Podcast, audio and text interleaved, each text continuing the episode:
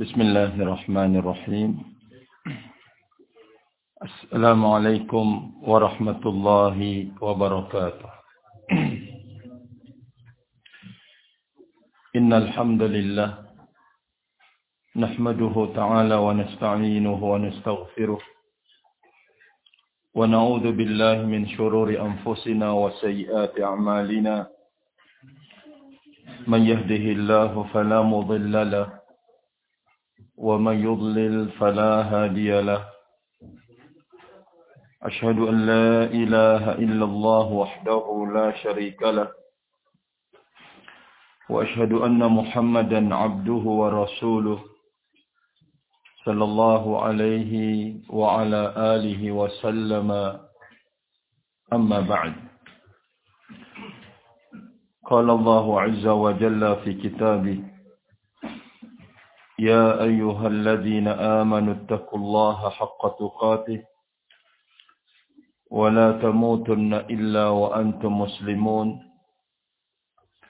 يا أيها الناس اتقوا ربكم الذي خلقكم من نفس واحدة وخلق منها زوجها وبث منهما رجالا كثيرا ونساء واتقوا الله الذي تساءلون به والأرحام إن الله كان عليكم رقيبا. يا أيها الذين آمنوا اتقوا الله وقولوا قولا سديدا يصلح لكم أعمالكم ويغفر لكم ذنوبكم. ومن يطع الله ورسوله فقد فاز فوزا عظيما. فإن أصدق الحديث كلام الله وخير الهدي هدي محمد صلى الله عليه وسلم وشر الأمور محدثاتها فإن كل محدثة بدعة وكل بدعة ضلالة وكل ضلالة في النار. أعاذني الله وإياكم من النار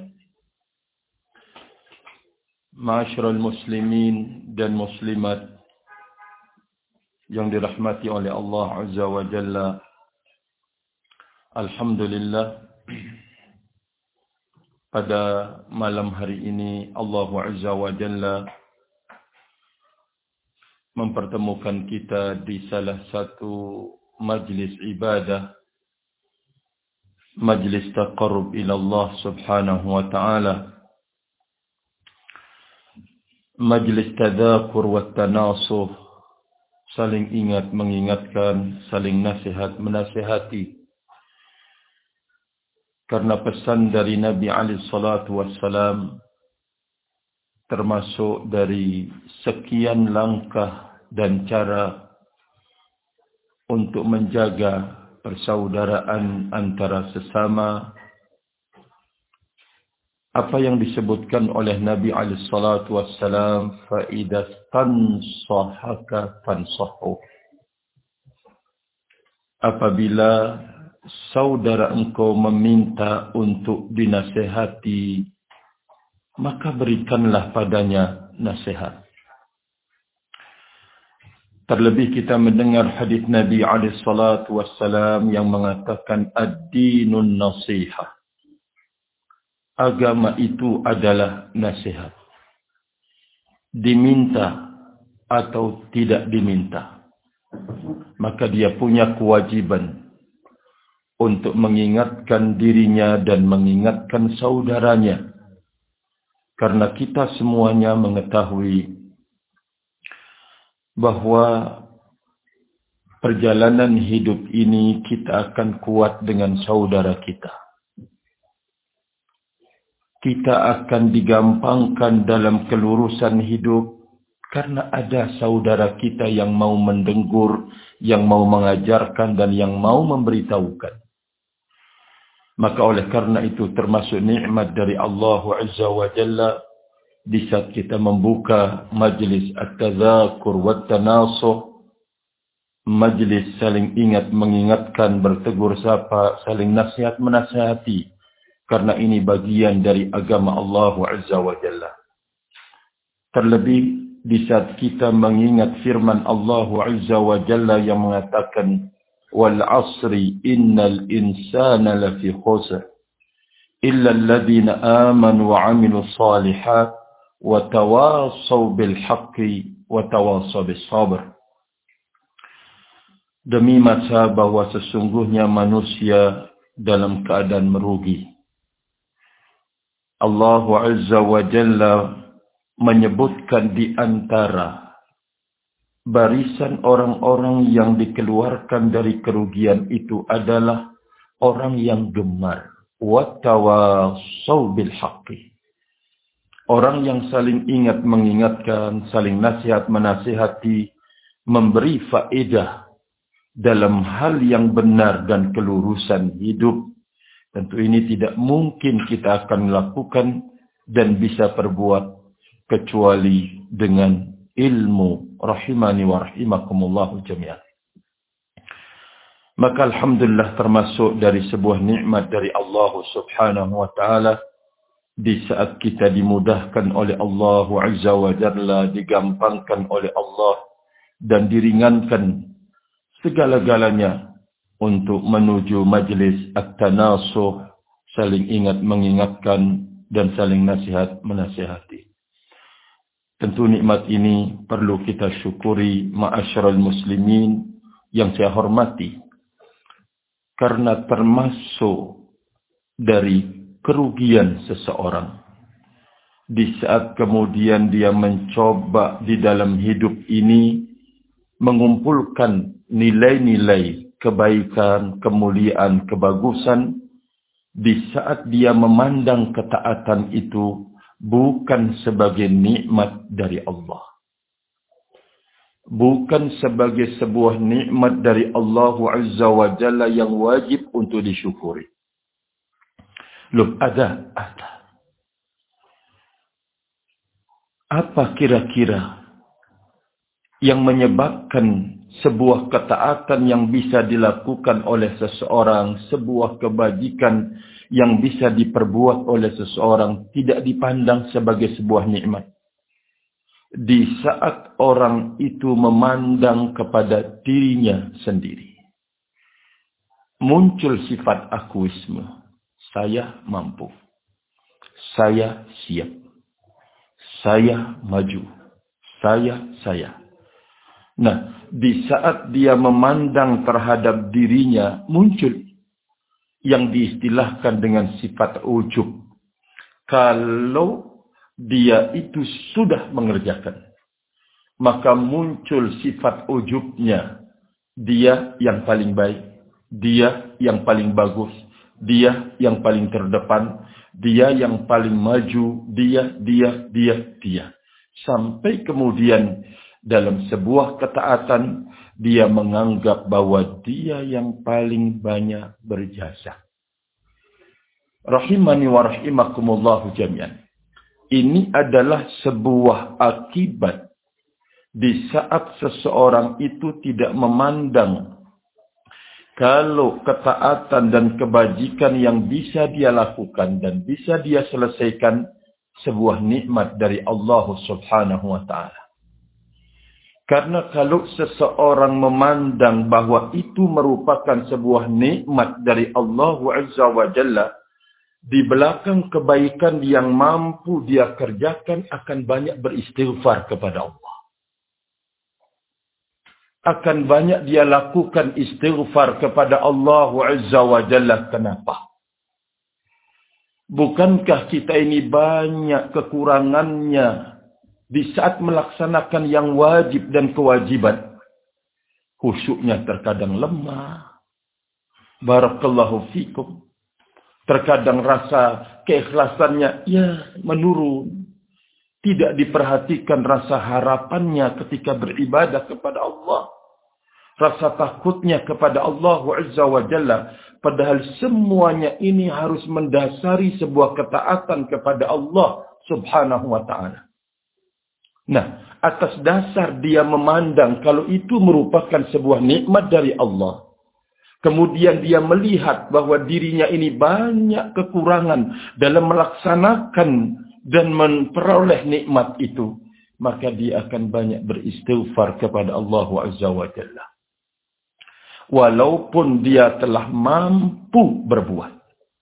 Walaupun mungkin dia menganggap bahwa dirinya paling ikhlas barakallahu fikum di dalam berbuat.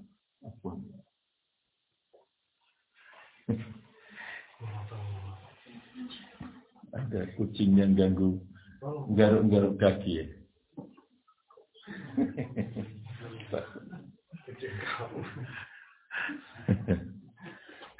oh, marah dia. Pelan-pelan, pelan-pelan.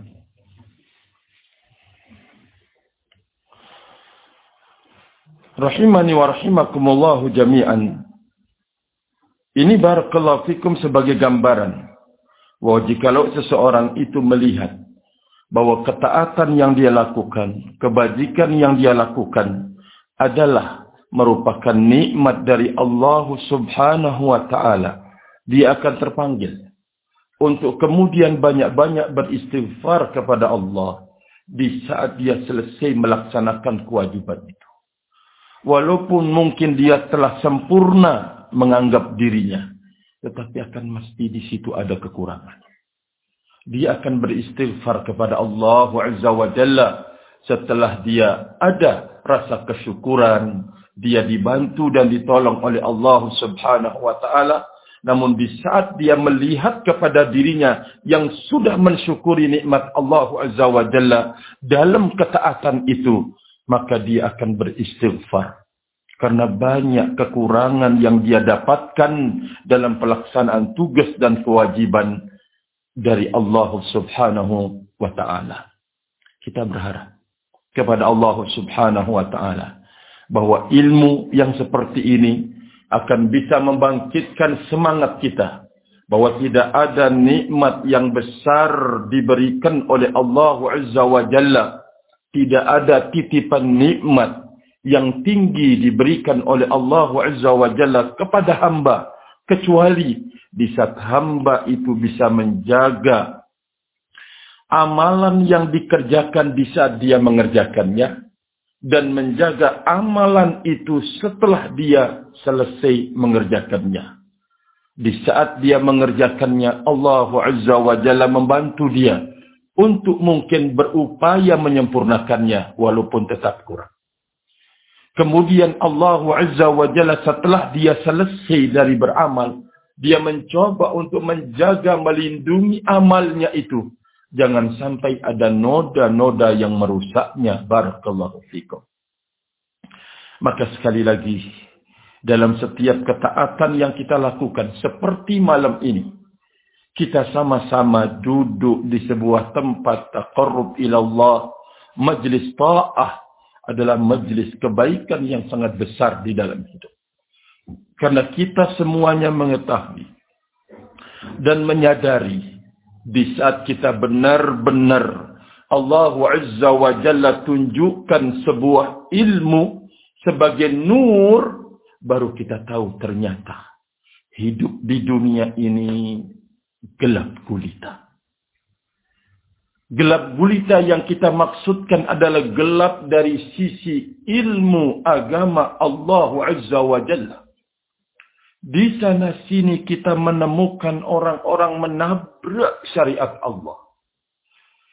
Di sana sini kita menemukan orang-orang yang benar-benar maaf-maaf tidak patuh kepada Allah. Padahal semua bahan hidup yang dia dapatkan di dunia ini adalah pemberian dari Allah. Semestinya kan manusia itu punya rasa malu. Apalagi kalau asal muasal penciptaan manusia itu adalah dari makhluk yang lemah, serba kekurangan, dan sangat fakir membutuhkan. Allah memenuhi segala hajatnya di dalam kehidupan manusia ini. Ya kalau bahasa kita yang sudah Allah berikan ilmu, tentu semestinya kita malu. Tapi sebelum kita mendapatkan taufik, kita juga termasuk orang yang tidak punya rasa malu. Berarti ini adalah sebuah kebahagiaan di dalam hidup. Di saat Allah Azza wa Jalla memperlihatkan kepada kita, memberikan nur yaitu ilmu. Yang dengannya kita bisa membaca kalau diri kita ini banyak salah di hadapan Allah Azza wa Jalla. Dengan nur yang dititipkan oleh Allah Azza wa Jalla ini, kita bisa mengetahui ternyata maaf-maaf mayoritas, mayoritas, mayoritas dari kita tidak mengatakan seluruhnya isi Indonesia ini mayoritas saudara kita yang mengakui berislam, beriman banyak terjatuh di dalam pelanggaran dan menabrak hukum-hukum Allah Subhanahu wa taala. Baik kita lihat kita di kampung, di daerah atau di instansi tempat kita kerja atau barakallahu fikum di mana saja. Nah, inilah kegelapan hidup. Di saat kemudian jiwa, pikiran semua tidak tersinari dengan ilmu. Akan menjadi gelap jalannya barakallahu fikum. Pikiran tidak akan pernah diajak untuk kemudian berfikir masa depan di akhirat. Irodat, kemauan-kemauan sudah tidak ada kemauan untuk kehidupan yang abadi.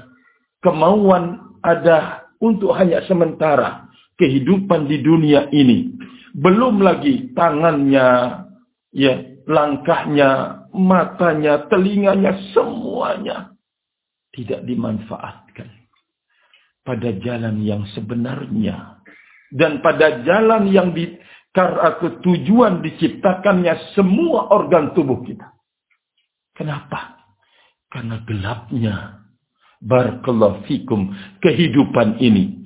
Gelapnya kehidupan ini karena berkuasanya kejahilan dan kebodohan. Barakallahu fikum. Karena berkuasanya rahimani wa rahimakumullah jemaah. Maka di sinilah letaknya sebuah kebanggaan di dalam hidup. Di saat Allah Azza wa Jalla menggampangkan dan memudahkan kita untuk belajar agamanya mengkaji dan mendalami agamanya sebagai sebuah titipan melalui nabinya alaihi salatu wassalam terkait dengan anda mau berbahagia ini loh jalannya. Engkau mau menjadi orang yang selamat ini loh jalannya. Kalau engkau ingin menjadi orang yang paling paling paling lurus di kehidupan dunia yang mungkin sifatnya sementara engkau menjadi orang yang paling merdeka hidupnya lahiriah dan batiniah. Tidak ada yang menguasai kecuali kekuasaan Allah Azza wa Jalla. Tidak ada yang mengatur dan wajib kita tunduk kecuali kepada Allah Subhanahu wa taala. Semuanya ini yang dibawa oleh Nabi sallallahu alaihi wasallam. Sampai kemudian siapa pun yang ingin memperoleh kebahagiaan yang abadi. Ini loh jalannya. Titipan Allah Azza wa Jalla. Melalui lisan Nabi-Nya alaihi salatu wassalam. Ternyata tanggapan manusia itu berbeda-beda. Ada orang yang mau menerima bimbingan itu sangat sedikit sekali. Ada yang melakukan penentangan. Tidak mau. Barakallahu fikum. Sampai kemudian anggapan pada dirinya. Ajaran ini mengikat kebebasan. Ya. Syariat ini dianggap mengekang kemauan dan keinginan kebebasan dia untuk berpikir. Syariat yang dibawa oleh Nabi Ali Shallallahu Wasallam mereka gambarkan bahwa mengajak kita kembali ke belakang. Tidak ke depan. Barakallah. Padahal semuanya itu salah dan keliru rahimani wa rahimakumullah. Allah Azza wa Jalla menitipkan syariat ini untuk disampaikan oleh Nabi Ali Salatu Wassalam untuk sekarang dan untuk masa depan. Tetapi begitulah di saat hidup ini sudah gelap gulita. Tidak diwarnai dengan ilmu agama. Maka gelap gulita barakallahu fikum. Tidak mampu berbuat kecuali cuma untuk dunia. tidak mampu berpikir kecuali cuma untuk dunia. Fisik ini digerakkan siap mulai dari pagi. Mungkin terkadang kita melihat ada orang sebelum subuh bahkan. Sudah berjaga, bahkan ada yang bangun jam 3. bikin ini persiapan itu, persiapan ini. Sudah selesai, belum subuh, wes mangkat. Berangkat. Pulang kapan? Nanti sore. Fisik ini dihabiskan cuma untuk dunia. Terkadang banyak sholat tidak dikerjakan. Cuma hanya ingin mengejar sebuah ketentuan hidup yang sudah digariskan oleh Allah Azza. Padahal itu pasti dia akan dapatkan. Pasti dia akan dapatkan. Tetapi untuk mendapatkan sesuatu yang sudah ada dalam suratan takdir harus mengorbankan akhirat. Bukankah ini adalah kerugian besar di dalam hidup? Bukankah ini merupakan kerugian besar di dalam hidup barakallahu fikum? Kerugian. Padahal terkait dengan urusan dunia ini, sudah ada catatannya dan tidak akan pernah berubah dan tertukar. Tidak akan tertukar. Baik mungkin yang paling dekat antara istri dan suami, kemudian bapak, ibu dengan anak-anak yang paling dekat. Tidak akan pernah tertukar suratan hidupnya. Barakallahu fikum. Oleh karena itu di sinilah letaknya. Nilai nur cahaya yang Allah Azza wa Jalla telah titipkan buat Nabi-Nya alaihi salatu wassalam bahwa siapa pun yang menginginkan kebahagiaan, kegembiraan, kesenangan, kemuliaan, ketinggian derajat di dunia ini sebelum di akhirat. Ini yang dibawa oleh Nabi kita alaihi salatu wassalam. Ilmu barakallahu fikum. Wahyu yang dibawa oleh Nabi kita alaihi salatu wassalam. Itulah yang akan menjadikan seseorang paling terbaik paling bahagia, paling lurus di muka bumi ini dan yang paling tinggi derajatnya. Coba sekarang kita mengambil sebuah hadis Nabi alaihi salatu wassalam. Allah Azza wa Jalla yaqul Wa man yattaqillaha apa? Apa kelangsungannya? Yaj'al lahu makhraja wa yarzuqhu min haitsu la Barang siapa yang bertakwa kepada Allah, ini salah satu contoh. Barang siapa yang bertakwa kepada Allah, Allah Azza wa Jalla sudah persiapkan banyak hal. Pertama, Allah Azza wa Jalla akan memudahkan urusan-urusan urusannya. Kedua, Allah Azza wa Jalla akan memberikan rezeki dari arah yang tidak disangka-sangka dan tidak diduga-duga. Kalau kita bertanya apa sih takwa itu?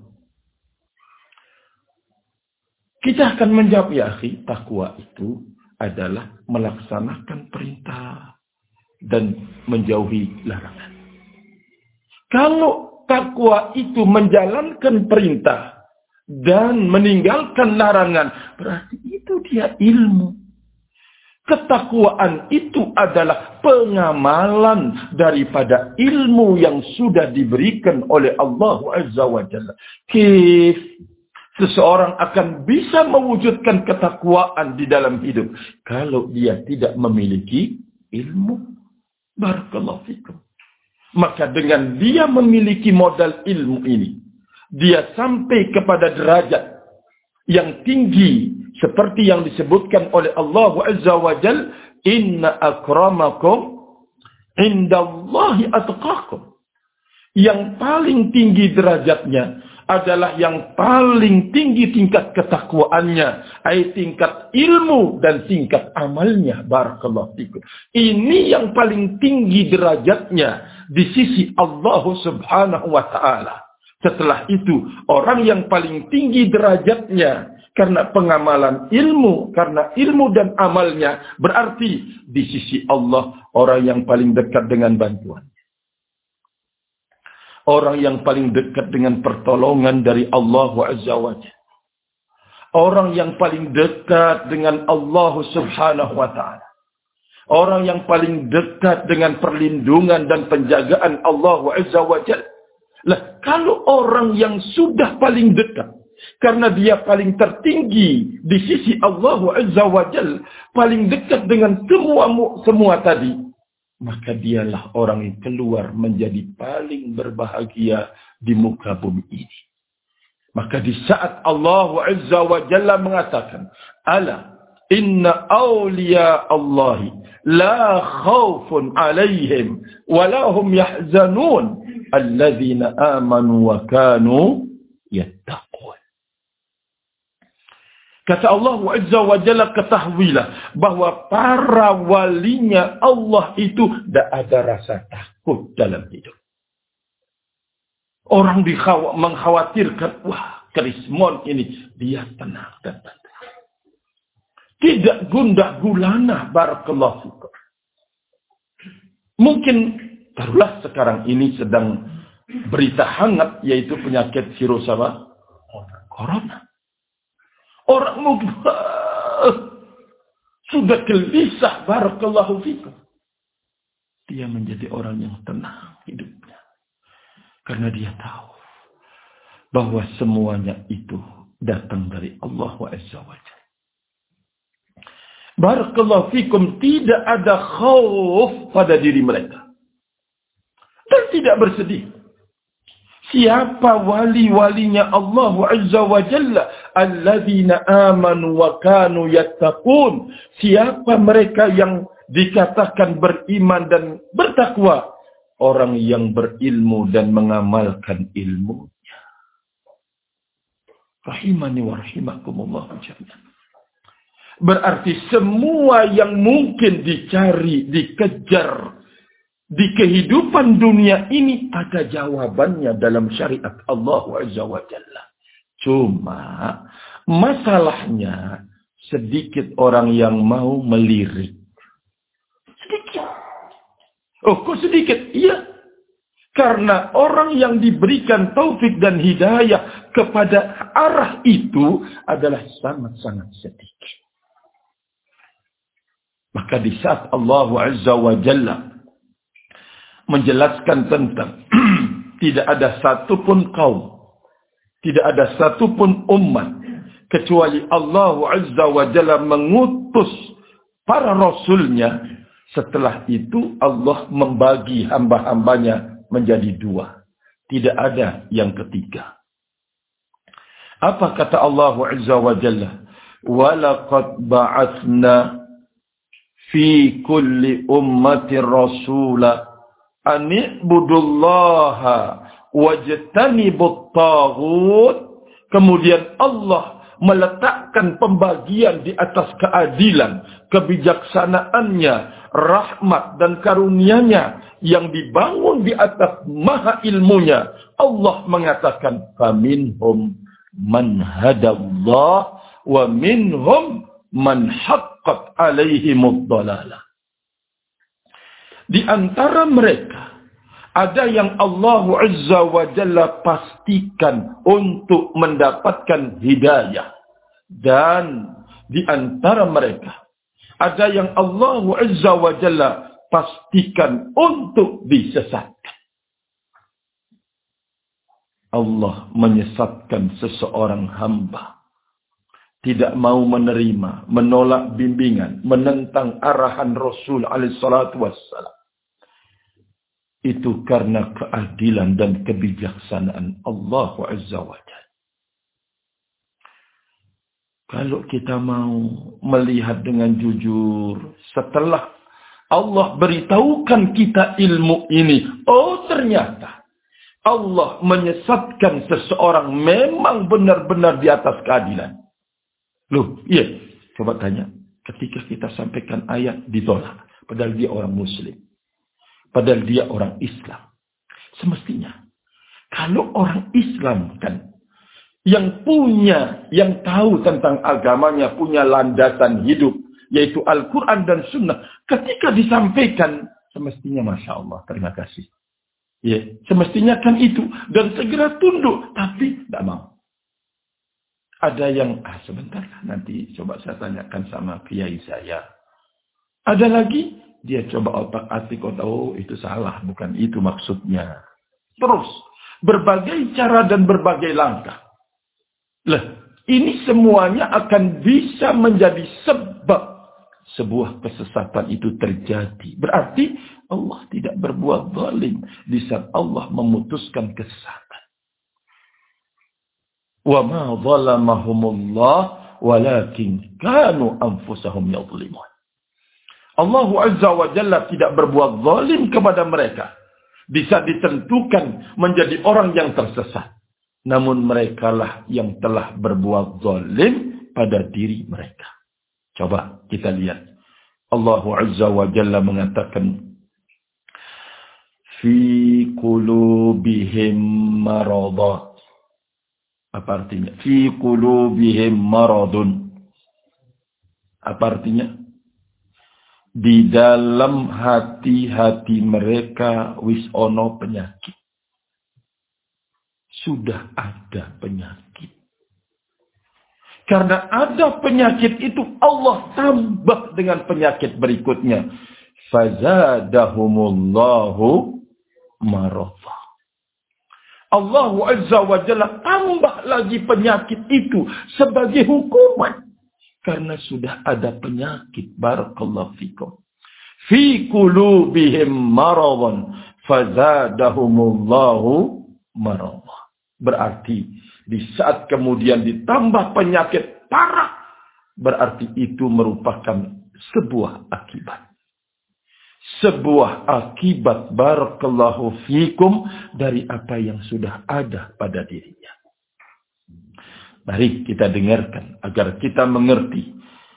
Benar-benar faham bahwa Allah Azza wa Jalla meletakkan itu semua di atas keadilan dan kebijaksanaannya yaitu falamma zaghu terus azaghallahu qulubahum di saat mereka menyimpang dan menyeleweng maka Allah Azza wa Jalla hukum untuk menyelewengkan secara total hati. Berarti sudah ada bibit. Untuk kemudian ditimpakan oleh Allah Azza wa Jalla dengan hukuman itu ma'asyiral muslimin dan muslimat. Berarti kan kita harus menjaga. Kita harus lapang dada punya kesiapan untuk menerima apa pun yang datang dari Allah Azza wa. Ini semestinya. Tapi karena kita tidak membuka, ada rasa berat, ada rasa dunianya akan hilang, ininya akan lenyap, itunya akan berakhir. Sampai kemudian dia berat untuk menerima nur yang datang dari Allah Azza wa Jalla. Inilah yang menyebabkan terjadinya penyimpangan dan penyelewengan. Barakallahu fiqh. Maka oleh karena itu rahimani wa rahimakumullah. Kita menjumpai sekarang di kehidupan kita. Banyak dari saudara-saudara kita. Yaitu. Semua apa yang Allah telah cukupkan sesungguhnya di kehidupan dunia ini dijadikan sebagai alat kesempatan untuk kemudian menentang syariat Allah Azza wa Jal. Tidak mau mempedulikannya, tidak mau memperhatikannya, tidak mau belajar, apalagi mau mengamalkan. Wajar kalau terjadi benturan, bentrokan hidupnya loh ya. Sekarang, Barakallahu Fikum, ya hidup dengan apa namanya, kemaksiatan, nanti lari maksiat lagi, lari maksiat, benturan selalu. Dalam penilaian dan tinjauan manusia yang seperti ini, menganggap bahwa dia orang yang paling berbahagia. Bahagia. Sehingga orang-orang yang maaf-maaf seperti antum, barakallahu fikum, dilecehkan. Dipandang dengan mata sebelah. Apalagi di saat kemudian melihat taruhlah pendidikan an kita yang ingin menyelamatkan anak-anak kita dari kegelapan kehidupan dunia yang tadi sudah kita sebutkan. Sekian seolah-olah hidup ini adalah benturan dengan syariat Allah Azza wa Jalla yang kita saksikan di mana kita ketemu, di sana kita melihat. Barakallahu fikum. Nah, kita mewujudkan pendidikan untuk menyelamatkan benar-benar anak-anak kita. Itu terkadang dilecehkan loh. Dianggap dengan mata sebelah. Dilihat dengan mata sebelah. Ya. Padahal kalau kita melihat mulai dari pendidikan yang paling kecil kalau TK itu sudah banyak benturannya dengan syariat Allah. Maaf, maaf loh ya. Kita menemukan dengan penuh kejujuran. Mulai dari ini masa kecil ini sudah banyak benturan dengan syariat Allah yang kita temukan. Naik lagi belum SD-nya, belum SMP-nya, belum SMA. -nya. Benturan. Kita prihatin. Oleh karena itu kita mencoba mewujudkan di dalam hidup yang terbaik.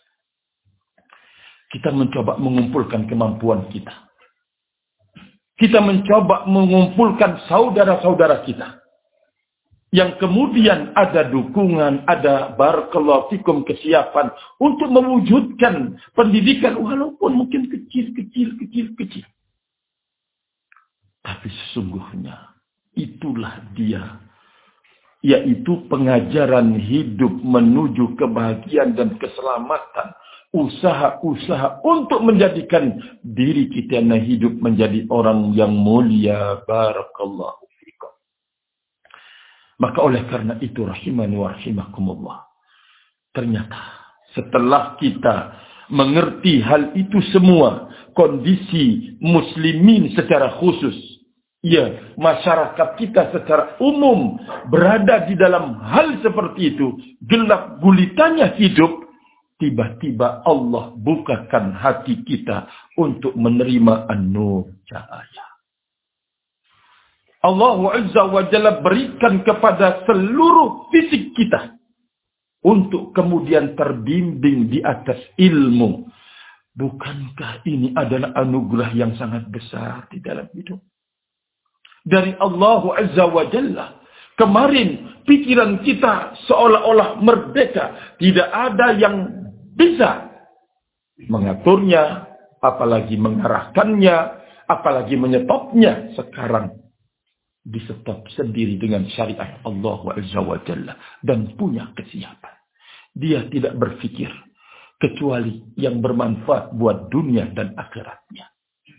Demikian juga langkah-langkahnya, ya tangannya, gerak-gerik matanya terjatuh di dalam nabrak syariat, dia segera astagfirullah kembali kepada Allah Azza wa. Semuanya itu adalah hikmah dan fadilah serta samratun min samaratil ilm. Buah dari buah ilmu yang diperoleh dan didapatkan oleh seseorang di dalam hidup. Oleh karena itu mari kita mendengar ayat-ayat Al-Quranul Karim dan sunnah Rasul alaihissalatu wassalam untuk mengingatkan kepada kita bahwa ternyata kita tidak akan bisa ma'asyiral muslimin untuk menjadi orang yang paling berbahagia di dunia dan di akhirat. Menjadi orang yang paling mulia di dunia dan di akhirat.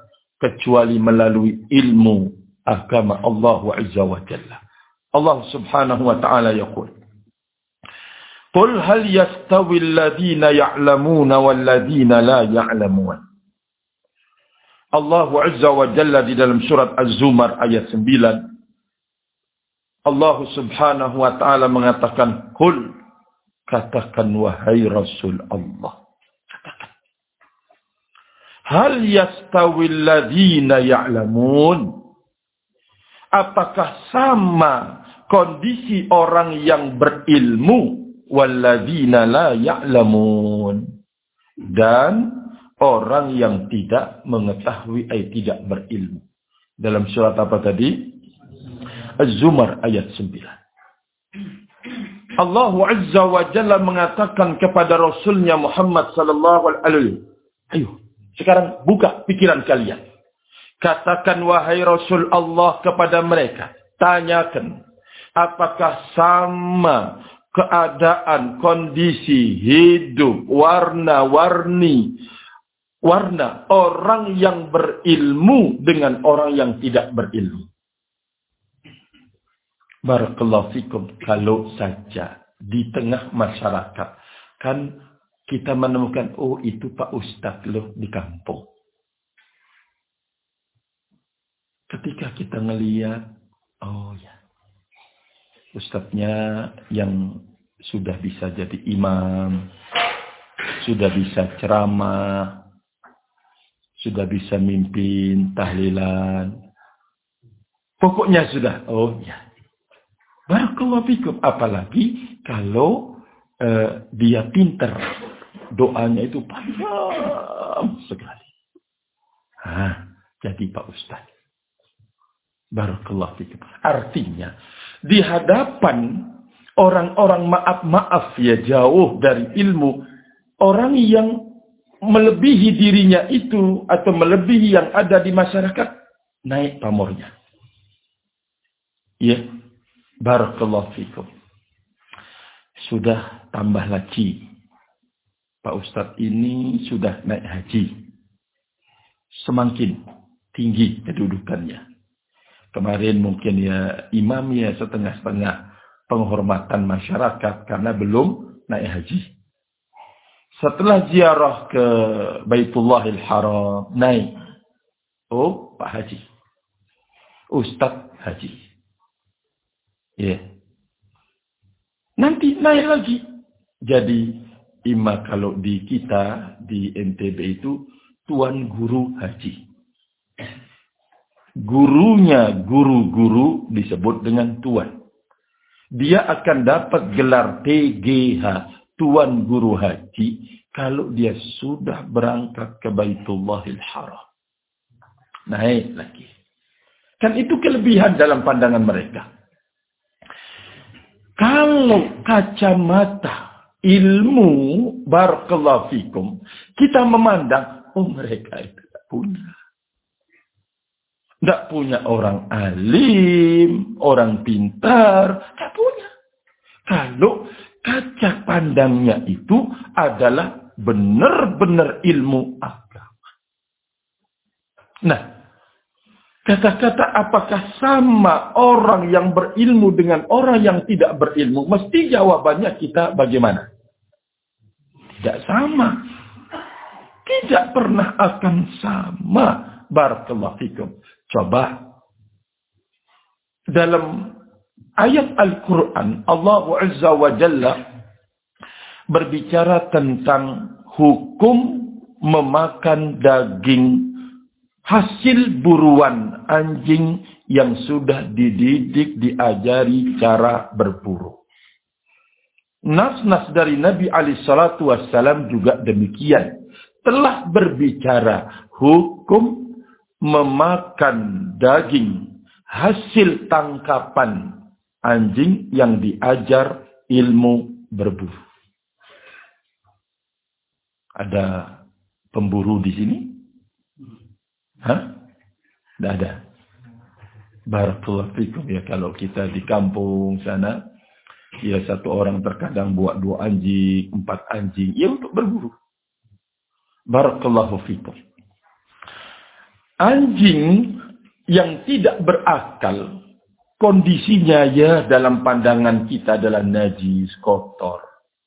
Tapi di saat diajari cara berburu, dibedakan oleh Allah Azza wa Jalla dengan ilmu cara berburu itu bila diajarkan dengan anjing yang tidak diajarkan. Barakallahu fikum.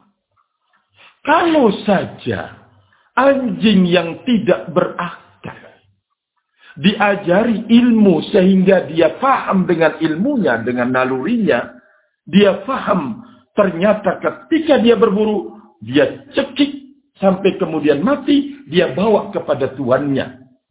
Ternyata itu boleh untuk dimakan.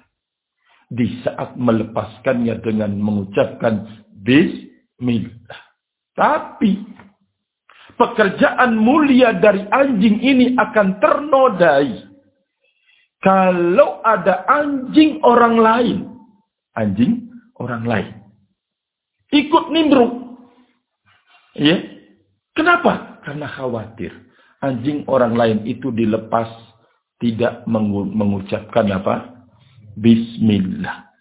Ini satu. Kedua, kalau ada anjing lain ternyata anjing liar ikut nimbrung, lebih tidak boleh lagi. Berarti dia akan boleh dimakan bisa benar-benar ya, dia berbuat dengan ilmu yang murni, bebas dari hal yang merusak kemurnian ilmu itu. Kalau saja makhluk yang tidak berakal terbedakan derajat mereka yang satu dengan yang lain karena ilmu, bagaimana lagi manungso ini? Yang Allah Azza wa Jalla sudah titipkan akal untuk memuliakan mereka, membedakan mereka dengan makhluk-makhluk yang lain. Maka rahimani wa rahimakumullah jami'an Allah Azza wa Jalla mengatakan kepada Nabi Nya Ali salatu wassalam, katakan wahai Rasul Allah. Tanyakan kepada mereka. Apakah sama antara orang yang berilmu dengan orang yang tidak berilmu? Kita akan menjawabnya, tidak akan sama. Wah, tidak usah kita mau mengukur fulan, fulana, tidak mengukur pada diri kita sendiri. Di saat sekarang Allah Azza wa Jalla berikan kita ilmu dengan sebelum Allah Azza wa Jalla menunjukkan kita untuk berilmu. Beda jauh apa tidak? Sama. 180 derajat. Bedanya barakallahu fikum. Kondisi kita yang Allah Azza wa Jalla telah panggil untuk mendapatkan rezeki berilmu ini dengan sebelum kita mendapatkan ilmu. Barakallahu fikum bimbingan untuk berilmu. Jauh perbedaannya. Apalagi kalau kita mau melihat kepada yang lain.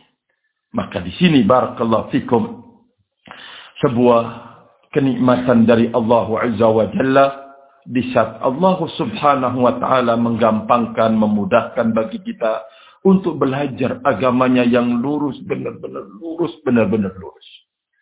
Karena tentu perlu juga kita ingat bahwa setelah mendapatkan bantuan seperti ini, akan banyak ujian dan cobaannya. Ya, bagaimana itu? Pertama kali muncul dari diri kita sendiri. Taruhlah misalkan, ada orang yang benar-benar Masya Allah dia beramal, dia menjaga dirinya, menjaga keluarganya. Nah, ada orang yang mirip. Ya, mirip penampilannya, dia berhijab. Kalau wanitanya, lakinya dia barakallahu fikum jenggotan, kemudian berpenampilan sunnah rahimani wa rahimakumullahu jami'an. Terus dia mengaku sebagai seorang sunni salafi. Misalkan. Tapi banyak kelonggaran yang diberikan. Ini boleh. Ini tidak boleh. Itu ya tidak apa-apa. Ada fatwa kok para ulama. Terus. Nah. Di situ akan diuji seseorang. Kalau ternyata pada diri kita ini punya tanggapan. Ingin ya janganlah selalu terikat. Wah, apa istilahnya itu? Kalau bahasanya jangan terlalu keras lah. Ya yang anu sedikit lah, yang agak-agak ngaret. Ngaret itu apa ya? Iya agak sedikit gitu lah. Nanti ya bisa sempit, terus bisa. Ah. Kalau kemudian pada diri ada dan memang itu akan ada kecenderungan kalau orang tidak kemudian diberikan taufik dengan benar dan dia tidak menjaga ilmu itu. Dia akan terus, oh ternyata ada orang sunni salafi yang seperti itu. Gabung, tinggalkan. Yang sikap bagaimana dia tadi. Benturan dengan orang tua dia siap. Benturan dengan atasannya dia jaga. Benturan dengan temannya juga. Terus. Lambat laut lemah. Barakallahu fikum. Nah, kelemahannya itu maaf-maaf tidak ada yang akan menyambar kesempatannya kecuali setan. Terus menggeret dia. Menuju tadi orang-orang yang bersifat karet. Ya di dalam memegang manhaj. Ketika nu ya nyempit. Ketika butuh lebar, lebar. Barakallahu fikum. Nah ini adalah kerugian di dalam hidup. Ternyata nikmat ini harus kita jaga dan harus barakallahu fikum kita lindungi. Rahimani wa rahimakumullah karena di situlah dia kemuliaannya barakallahu fikum di saat seseorang benar-benar berjuang dan berkorban atas kelurusan hidup di situlah dia kemuliaan barakallahu fikum. Ada orang tidak berani. Eh.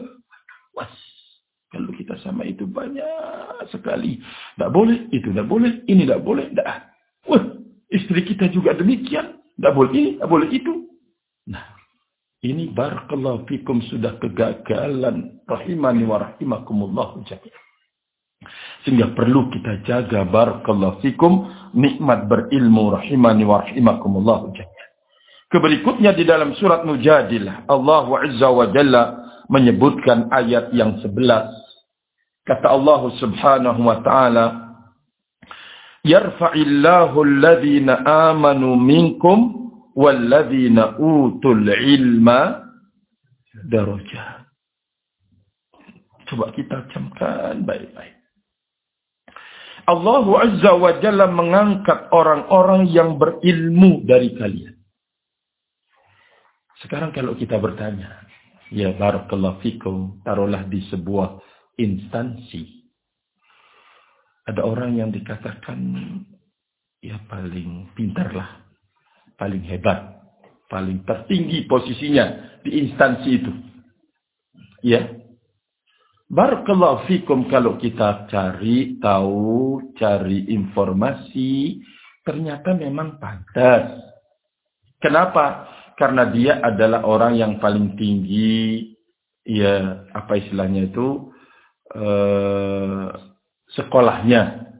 Berarti kan lebih berpengetahuan terkait dengan bidang yang dia berada padanya. Sehingga wajar kalau posisinya itu adalah paling tinggi. Barakallahu fikum. Dipuji, disanjung, dan seterusnya. Dia bisa mendapatkan posisi seperti itu karena memang ilmunya. Barakallahu fikum. Allah Azza wa Jalla menyebutkan bahwa Allah meninggikan orang-orang yang al-mu'minun. Al-mu'minun itu adalah dua. Orang yang paling tinggi tingkat pengamalan ketaatan lahiriahnya. Dan orang yang paling tinggi tingkat pengamalan amalan batiniahnya. Al-mu'minun. Para sahabat dikatakan mukminun, bahkan Allah jadikan sebagai tolak ukur keimanan orang-orang setelahnya. Karena mereka adalah orang yang paling bagus dalam menerapkan il imannya. Barakallahu yang paling tinggi di dalam menerapkan keimanannya. Berarti orang dikatakan beriman dengan benar kalau dia berilmu. Yarfa'illahu alladhina amanu minkum. Jadi iman itu merupakan penerapan sesungguh, merupakan ilmu. Barakallahu fikum. Kedua, iman itu merupakan amal. Maka orang dikatakan benar-benar beriman di saat dia berilmu dan beramal. Allah Azza wa Jalla mengatakan, Yarfa'illahu alladhina amanu minkum. Keberikutnya, Walladhina utul ilma darajat. Dan orang-orang yang diberikan ilmu, darajat diangkat oleh Allah ke beberapa derajat. Sekarang derajat yang dimaksud ini di mana? Ada yang menafsirkannya di akhirat kelak. Dan ada yang menafsirkannya di dunia dan di akhirat. Tidak ada pertentangan sama sekali. Bahwa Allah Azza wa Jalla telah mengangkat siapa pun yang pantas untuk diangkat di dunia dan di akhirat. Contoh tadi kita sebutkan ayat inna akramakum indallahi atqakum. Di kehidupan dunia. Ya, sesungguhnya orang yang paling mulia di sisi Allah bisa dia hidup di dunia ini adalah orang yang menjalankan kehidupan ini dengan paling bertakwa kepada Allah Azza wa Jalla. Sudah kita sebutkan di depan bahwa ketakwaan itu merupakan penerapan dari apa? ilmu rahimani wa rahimakumullahu Berarti pengangkatan derajat di dunia itu oleh eh, pengangkatan derajat terhadap orang yang berilmu, orang yang beriman di dunia dan juga di akhirat. Mari barakallahu fikum kita dengarkan di antara bentuk pengangkatannya adalah Nabi Shallallahu Alaihi Wasallam mengatakan wa innal malaikat la tadau ajnihataha ridan li talibil ilmi. Sesungguhnya malaikat-malaikat itu meletakkan sayapnya ay tawadu merendah karena ridho terhadap si penuntut ilmu. Satu. Kedua, kata Rasul alaihi salatu wassalam, wa innal alima sesungguhnya orang yang berilmu itu la yastaghfiru lahu man fis samawati wa man fil ardi Orang yang berilmu itu akan diampuni buatnya oleh yang ada di langit dan yang ada di bumi. Wal hitanu fil jawfil ma'i. Bahkan sampai ikan-ikan yang ada di air. Kita dengarkan baik-baik. Rasul alaihi salatu wassalam memuji ilmu, memuji orang yang berilmu. Ini kaitannya dengan apa? yaitu orang yang mengamalkan ilmunya dan ilmunya itu benar. Barakallahu fikum. Mana ilmu yang benar? Ya sudah kita memahami. Yaitu ilmu Al-Quran dan sunnah Nabi salatu wassalam. Yang difahami sebagaimana pemahaman para pendahulu kita yang soleh. Dari mulai dari Nabi kita salatu wassalam para sahabatnya, tabi'in, dan atba'ut tabi'in. Ini dia ilmu yang dipuji barakallahu fikum. Ya, tapi kan ayat dan hadis seperti ini kan dipakai oleh siapa pun juga. Ya, orang yang belajar maaf-maaf ya, ya belajar uh, beribadah dengan cara yang tidak dituntunkan oleh Rasul alaihissalatu wassalam di sebuah pondok pesantren. Juga dipakai ayat yarfa'illahu alladhina amanu minkum walladhina utul ilma darajat. Oh dipakai. Padahal kalau kita mau mengoreksi ilmu maaf maaf ya ilmu yang dipelajari wis salah. terus dari sisi mana mau dipuji dari sisi mana mau diangkat ilmunya saja yang dipelajari sudah salah dan keliru. Bagaimana akan dipuji barakallahu fikum? Ya tentu dari ilmu yang salah dan keliru ini akan melahirkan pengamalan-pengamalan yang salah dan keliru. Terus pujiannya itu dari sisi mana? Rahimani wa rahimakumullah ujarnya. Nah, dari sini kita mengetahui bahwa tidak ada yang dimaksud dengan Orang yang berilmu yang dipuji, ilmu yang disanjung, kecuali ilmu yang memang benar-benar murni datangnya dari Al-Quran dan Sunnah Nabi Ali Shallallahu Wasallam yang difahami dengan benar.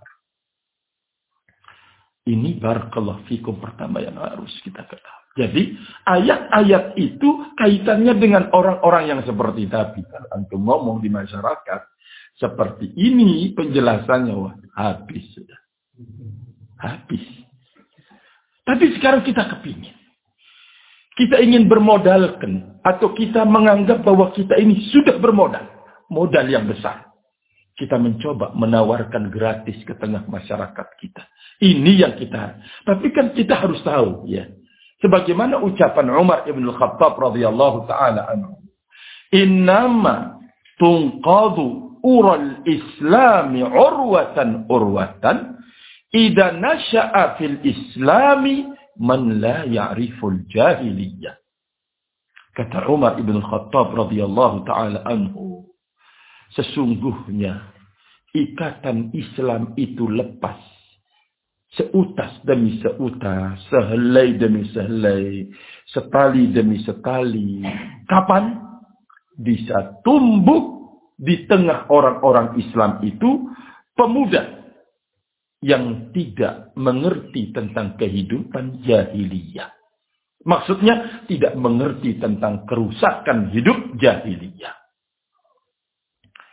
Bagaimana gambarannya? Ucapan ini coba kita dengar ucapan penyair. Arab Saya mengerti kejelekan itu bukan untuk melakukannya dan mengamalkannya Wa innama litawaqqihi. Aku mengenali kejelekan itu untuk bisa melindungi diriku. Wa man la wa man la ya'rifil wa man lam ya'rifil khaira minasyarri waqa'ati. Barang siapa yang tidak mengenal kebaikan itu dari kejelekan maksudnya dia cuma ma'ruf, ma'ruf, ma'ruf, ma'ruf, ma'ruf dia akan terjatuh kepada kejelekan itu. Maka oleh karena itu, saya mengajak tadi, kalau kita mau ya coba baca pondok-pondok kita ya muslimin sudah memprihatinkan. Memprihatinkan. Walaupun di satu sisi ya Allah kita berbahagia. Banyak yang mau mondok pesantren misalkan. Tapi sangat-sangat memprihatinkan. Ya.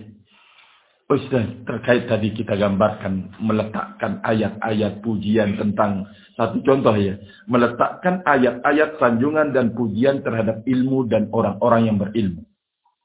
Padahal kan tidak akan dimaksud. Barisan-barisan ini tidak akan dimaksud. Tapi dipakai. Ini untuk maaf-maaf kalau bahasa ya kasarnya ya untuk ngelabui lah.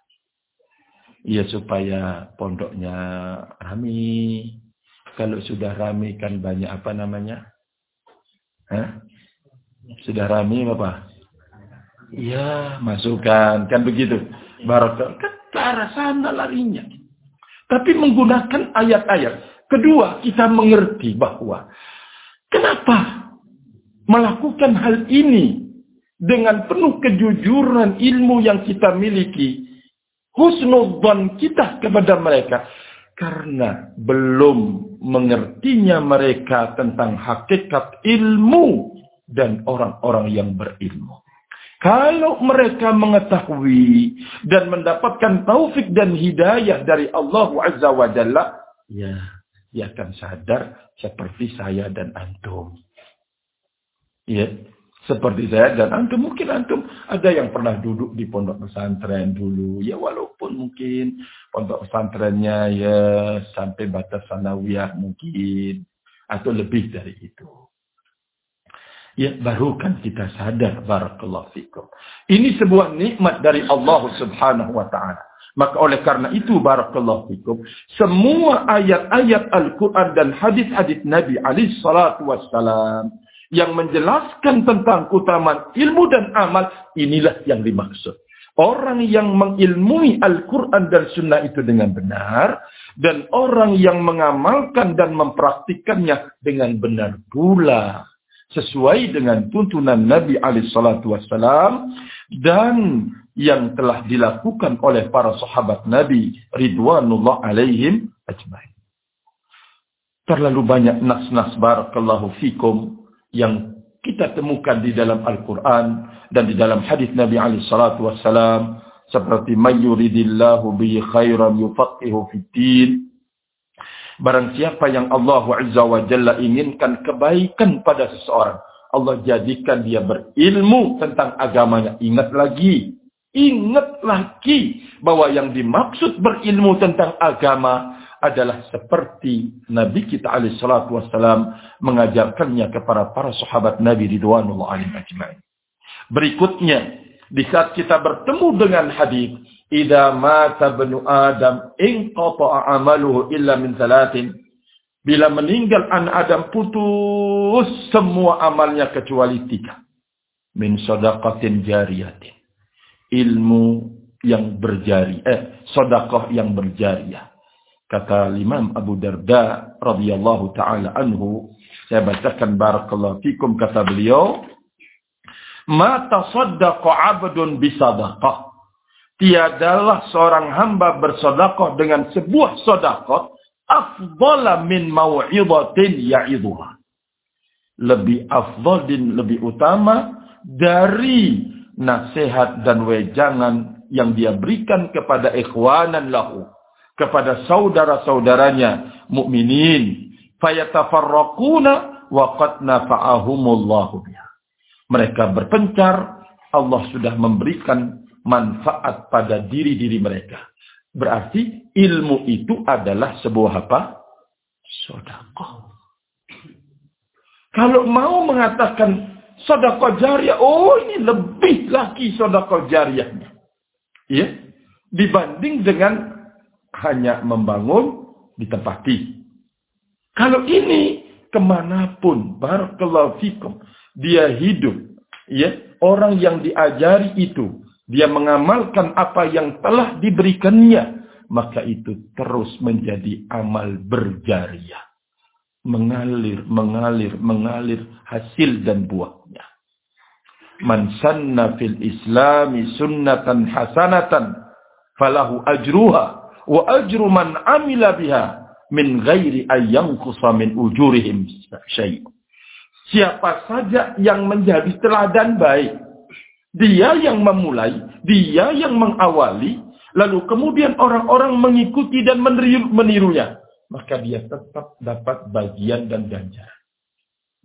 Ganjaran dia yang berbuat, ganjaran kedua karena sebab dia orang lain berbuat maka dia akan tetap mendapatkan ganjaran di dalam hidup barakallahu fikum. Nah, ini kan amalan besar yang terus berkesinambungan nilainya. Itulah dia ilmu agama. Oleh karena itu kita sebagai kedua orang tua harus lebih-lebih bersemangat untuk belajar, belajar, belajar.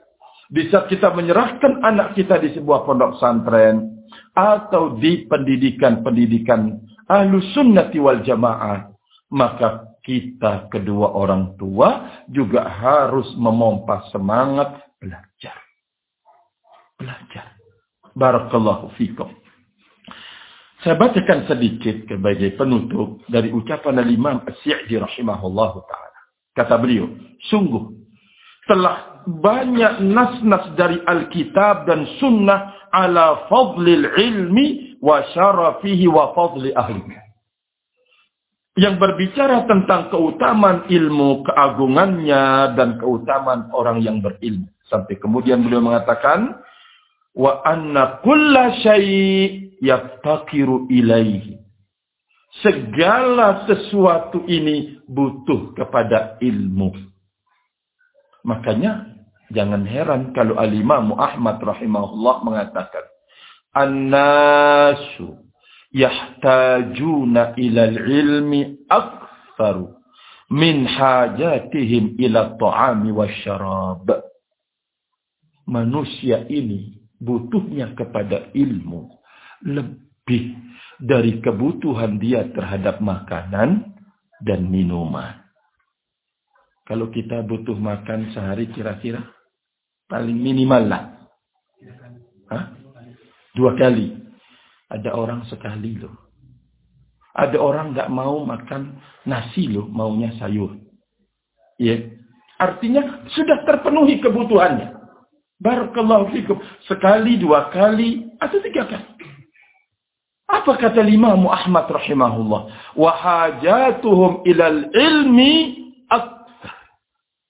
Tapi kebutuhan dia terhadap ilmu itu lebih. Ya. Wahajatuhum ilal ilmi.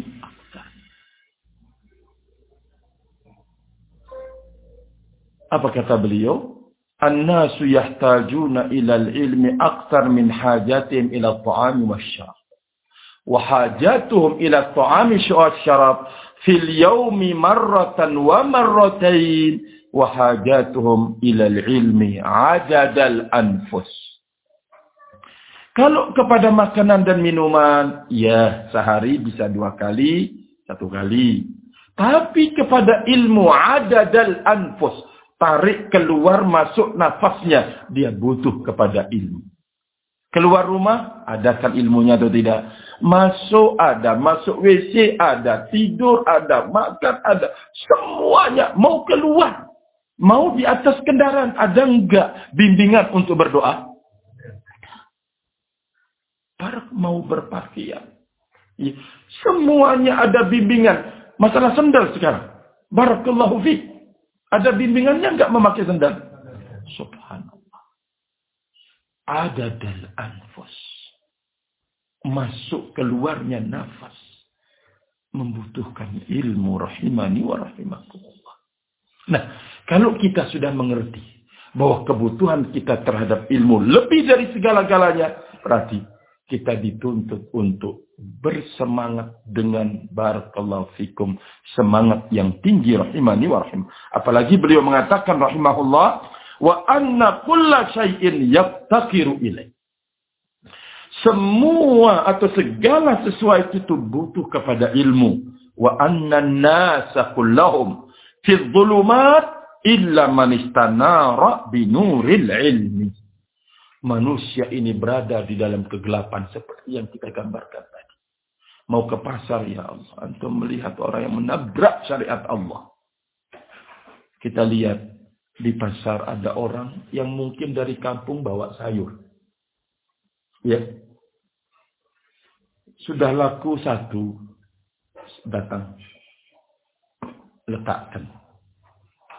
Itu tanda apa itu? Oh ternyata mbah ini bawa sayur.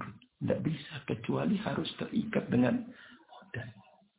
Modal itu ya imar rentenir yang terus keliling. Kalau kita di Sumbawa itu ya kalau sudah keliling ini orang pun tangannya emas kiri kanan uh, sudah pakai hajah lagi. Keliling nagih nagih nagih. Rentenir memang benar-benar diikat orang dari kampung. Sampai barakallahu fikum ada di sebuah kampung yang gantung diri.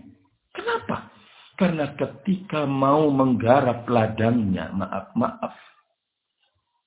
Geruduk. Ini dari bank dari mulai yang kecil nawarkan untuk modal. Ya, permainan apalagi Cina. Uh, paling maaf-maaf ya. Jelek sekali cara beramal dan berbuat. Muamalahnya turun. Kasih modal, kasih ini, kasih itu. Pas nanti dibeli barang dengan murah. Barakallahu fikum. Dan itu sudah diikat harus jual pada dia. Permainan rahimani wa rahimakumullah. Kalau sampai kemudian merugi tidak bisa menutupi utangnya. Ya, mungkin kalau misalkan gagal panen. Itulah menyebabkan stres sekali. Masyarakat kita muslimin. Ini cocok tanam. Di situ di pasar. Bertabrakan menabrak syariat-syariat Allah. Sedih kita. Melihat hal itu barakallahu fikum.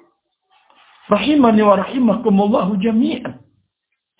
Maka ini maknanya bahwa kegelapan hidup itu benar-benar dan tidak akan terlepas dari kegelapan itu. Kecuali dengan manis tanara binuril ilm.